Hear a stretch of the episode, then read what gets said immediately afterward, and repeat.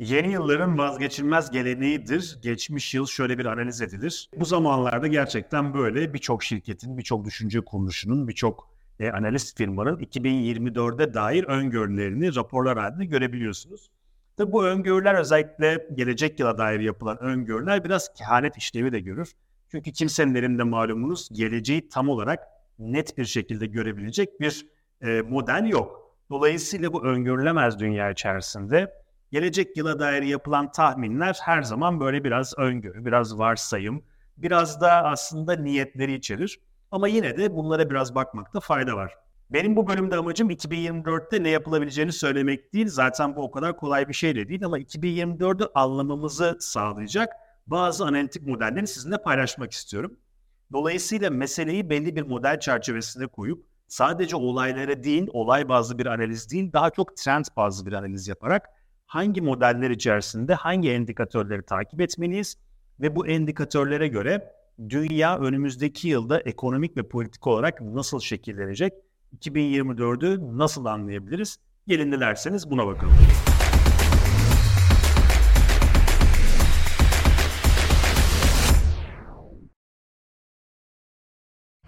Bu bölüm hazırlık yaparken e, birçok şirketin yaptığı analiz raporlarına da bakma fırsatım oldu. Tabii ki bunları sizlere özetlemeyeceğim çünkü bu raporlar zaten rahatlıkla internette bulunabiliyor.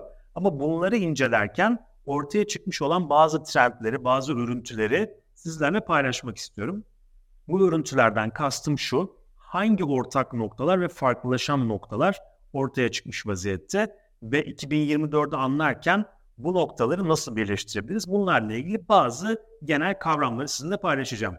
Şimdi e, dediğim gibi bazı özellikle şirketlerin, jeopolitik analiz şirketlerinin ve yatırım kuruluşları işte JP Morgan gibi BlackRock gibi kuruluşların raporlarını incelediğimde karşıma çok temelde hemen hemen herkesin uzlaştığı çok temel bir mutabakat çıktı.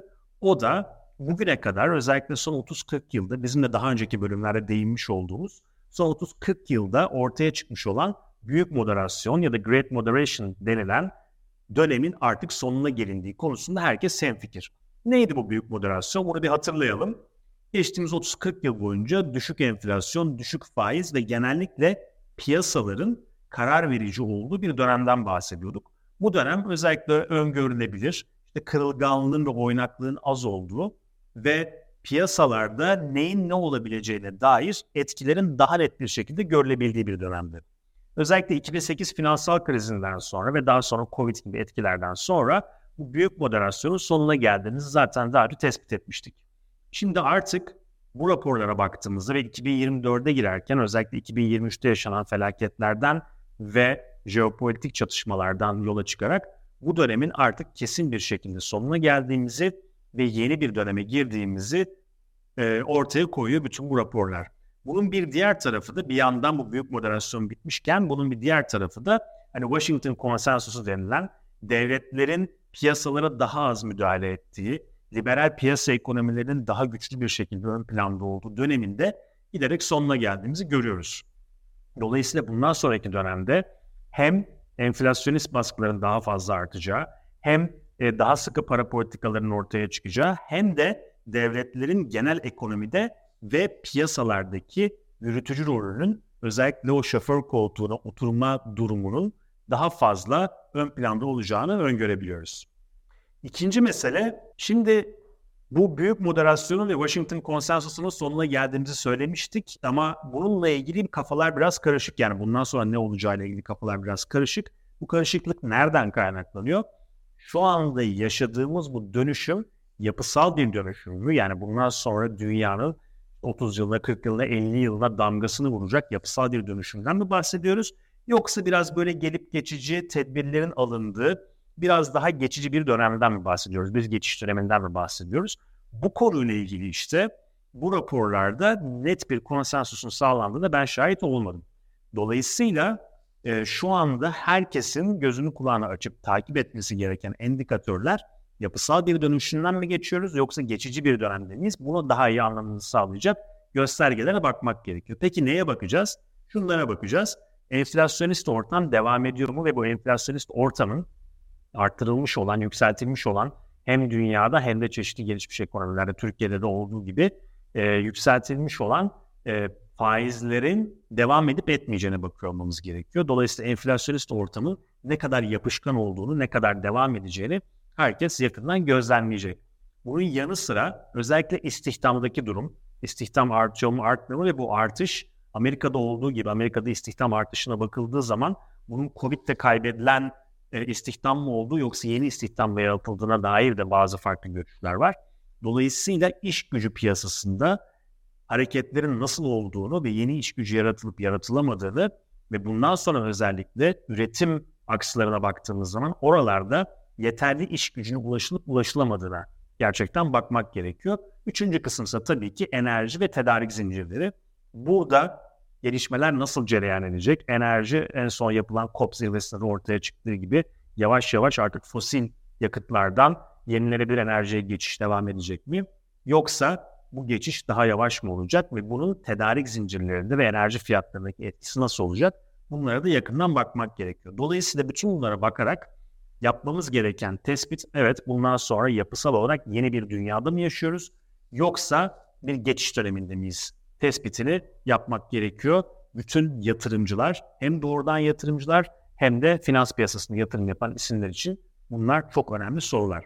Üçüncü kısım ise şu anda bildiğimiz ve 2024'te belki de dünyanın nasıl şekilleneceğine dair en önemli e, noktalardan birisi olan Amerikan seçimleri. 2024 yılında biliyorsunuz Amerikan seçimleri yapılacak ve mevcut başkan Joe Biden'ın birinci dönemi bitecek.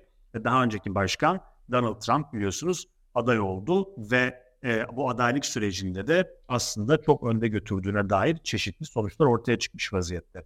Şimdi tabii bu zaten Amerikan siyaseti çok yakından takip edilecek. Bunun dünyaya olan etkisi çok yakından takip edilecek. Bunlarla ilgili bir şey söylemek istemiyorum. Bunun arkasındaki çok daha transformasyonel bir trendten bahsetmek istiyorum. O da şu. Şimdi 1929 bunalımına baktığımız zaman yani biraz daha geriye gidip tarihsel olarak dünyadaki ekonomik bunalımların nasıl oluştuğuna ve özellikle büyük depresyona baktığımız zaman o dönemin neden o şekilde geliştiğini anlatan çok önemli bir ekonomi tarihçisi var. Kindelberger isimli ve 1929 bunalımının temelde iki dünya savaşı arasında hegemonik istikrarın ortadan kalkması nedeniyle oluştuğunu söylüyor. Bu ne demek?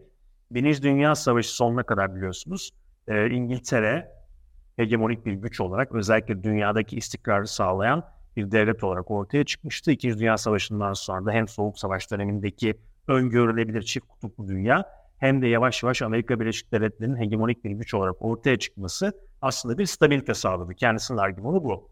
Fakat 1929 bunalımının ortaya çıkması işte tam bu geçiş döneminde oldu. Yani iki hegemonik güç arasındaki güç aktarımı sırasında oldu ve dolayısıyla o ekonomik bunalımı yönetebilecek, iki dünya savaşı arasında ortaya çıkan depresyonu yönetebilecek bir güç yoktu dünyada. Bunun ne gibi etkileri oldu? Ne gibi ekonomik etkileri oldu? İşte kurlar e, kontrol edilemedi, e, son kredi merci ya da Land of Last Resort denilen bir yapı ortaya çıkamadı. E, dolayısıyla küresel ekonominin yönetiminde çok ciddi boşluklar ortaya çıktı. Şu anda baktığımızda ise de buna benzer bir durum ortaya çıkıyor mu çıkmıyor mu buna bakmamız lazım. Neyi kastediyorum? Amerika Birleşik Devletleri'nin artık tek süper güç olmadığı daha çok kutuplu bir dünyaya yani multipolar bir döneme doğru geçtiğimizi görebiliyoruz.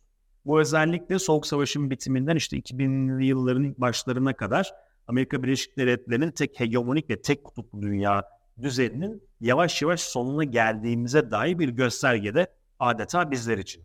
Peki bunların Amerikan seçimiyle ne ilgisi var? 2024 yılında küresel ekonomiyi ve küresel siyaseti nasıl etkileyebilir diye baktığımızda aslında Amerikan müesses nizamının ya da American Establishment denilen yapının Donald Trump'a karşı bir pozisyon aldığını burada görebiliyoruz. Ve bunun da en temel unsurlarından, en temel yapılarından birisi Federal Reserve yani Amerikan Merkez Bankası.